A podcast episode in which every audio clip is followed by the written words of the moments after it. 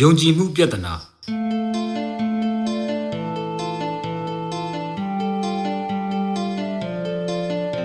ကျွန်တော်ကတော့ရှင်းတယ်။ကျောင်းမှာပဲဘုံပေါက်ပေါက်ဈေးဝယ်စင်တာပဲဖြစ်ဖြစ်မင်္ဂလာဆောင်ပဲဖြစ်ဖြစ်ဈေးတွေရုံးတွေပဲမီးလောင်လောင်အဲ့ဒါတွေကိုပြည်သူတွေဘက်ကလှုပ်တာတော့ဘယ်နည်းနဲ့မှမဖြစ်နိုင်ဘူးလို့ပဲယုံကြည်ထားပါတယ်။မင်းတေချာသိလို့လား တက်တည်ရှိလို့လားလို့ဆိုရင်တော့ကျွန်တော်လိုဘာမဟုတ်တဲ့တာမန်ပြည်သူတယောက်ကအတိအကျဘယ်သိပါမလဲဒါဖြင့်မင်းပါလို့အဲ့လိုပြောလဲဆိုအကြောင်းရင်းနှစ်ချက်ရှိပါတယ်ပထမတစ်ခုကတော့အရက်သေးပြောသလိုပြောရရင်ဒီလောက်လှုပ်ဆရာနေရာတွေတပုံကြီးရှိနေတဲ့အချိန်မှာဘာလို့ပြည်သူချင်းချင်းထိခိုက်အောင်လုပ်နေမလဲပေါ့နောက်တစ်ချက်ကတော့ပိုရေးကြီးတယ်အဲ့ဒါ trust issue ပဲအကြမ်းဖက်စေအုပ်စုကိုလုံးဝကိုမယုံကြည်နိုင်တာပါအာနာသိန်းစာတုံးကလည်းတစ်ခါရေးဘူးတယ် မဲစင်းရင်ကြောင့်သိန်းတာပါဆိုတာကိုဘယ်သူမှမယုံဘူးဆိုတာပဲတစ်နှစ်ပဲအာနာထိန်းပါပြီးရင်ရွေးကောက်ပွဲပြန်လုပ်ပြင်မယ်ဆိုတော့ကလည်းဘယ်ပြည်သူကမှမယုံခဲ့ကြဘူးဒါတောင်အဲ့တုန်းကဆိုဘယ်တယောက်ကိုမှမသက်သေးမနှိမ့်ဆက်သေးတဲ့အချိန်မျက်နှာဖုံးတွေကွာမကြသေးတဲ့အချိန်ခုလိုသူတို့ရဲ့ရက်ဆက်မှုတွေကိုမျက်စိနဲ့တက်အပ်မြင်ပြီးသွားတဲ့နောက်ပိုင်းမှာဆိုပိုတောင်ဆိုးသွားအောင်ပဲဒီလိုတာမန်နေရာတွေမပြောနဲ့စစ်တပ်ကပိုင်တယ်ဆိုတဲ့ဂန္ဓမာဆောက်အုံမီးလောင်တုံးကတောင် CNN ကသတင်းတောက်လာတဲ့နေ့မို့ တမင်လုတ်ပြတာဆိုပြီးပဲထင်ကြတာဒါကြောင့်ခုဖောက်ခွဲမှုတွေမှာလည်းတရက်ခံမိပါတယ်ဆိုပြီး MRTV ကနေထုတ်လွှင့်ပြတောင်ဘယ်သူကမှယုံကြမှာမဟုတ်ပါဘူးဒါကလည်းပြည်သူတွေရဲ့အမှားမဟုတ်ဘူးဘသူမပြုတ်မိမိမှုဆိုသလိုကိုလုတ်ခဲ့တဲ့လုတ်ရက်တွေရဲ့အကျိုးဆက်ကိုပြန်ခံရတာပဲတခါတော့လိန်ဘူးရင်တော့နောက်တစ်ခါထက်ယုံမှုဆိုတာခတ်သွားသေးတာမလား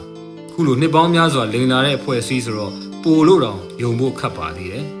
ဒါမျိုးတွေကအရင်ခေတ်တွေကလေးကလုံနေတာပဲသူတို့ပဲလုံတယ်ပြီးတော့တိုင်းသားလက်နက်ကင်တွေကိုထိုးချတယ်ဆွဆွဲတယ်အခုလဲကျောင်းမှာဖောက်ခွဲမှုဖြစ်ပြီးတာလီဘန်ဆိုတဲ့အတုံးလုံးနဲ့ပုံဖြတ်ဖို့စ조사လာကြပြန်တာပဲ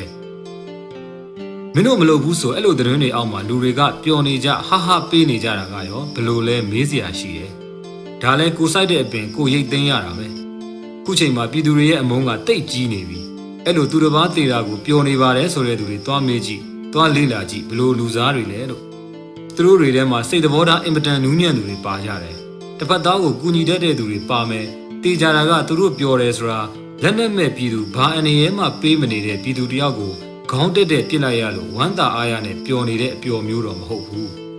တကယ်တော့ဘသူကမှသူတစ်ပါးသေးတာကိုကြည့်ပြီးပြောမနေနိုင်ပါဘူး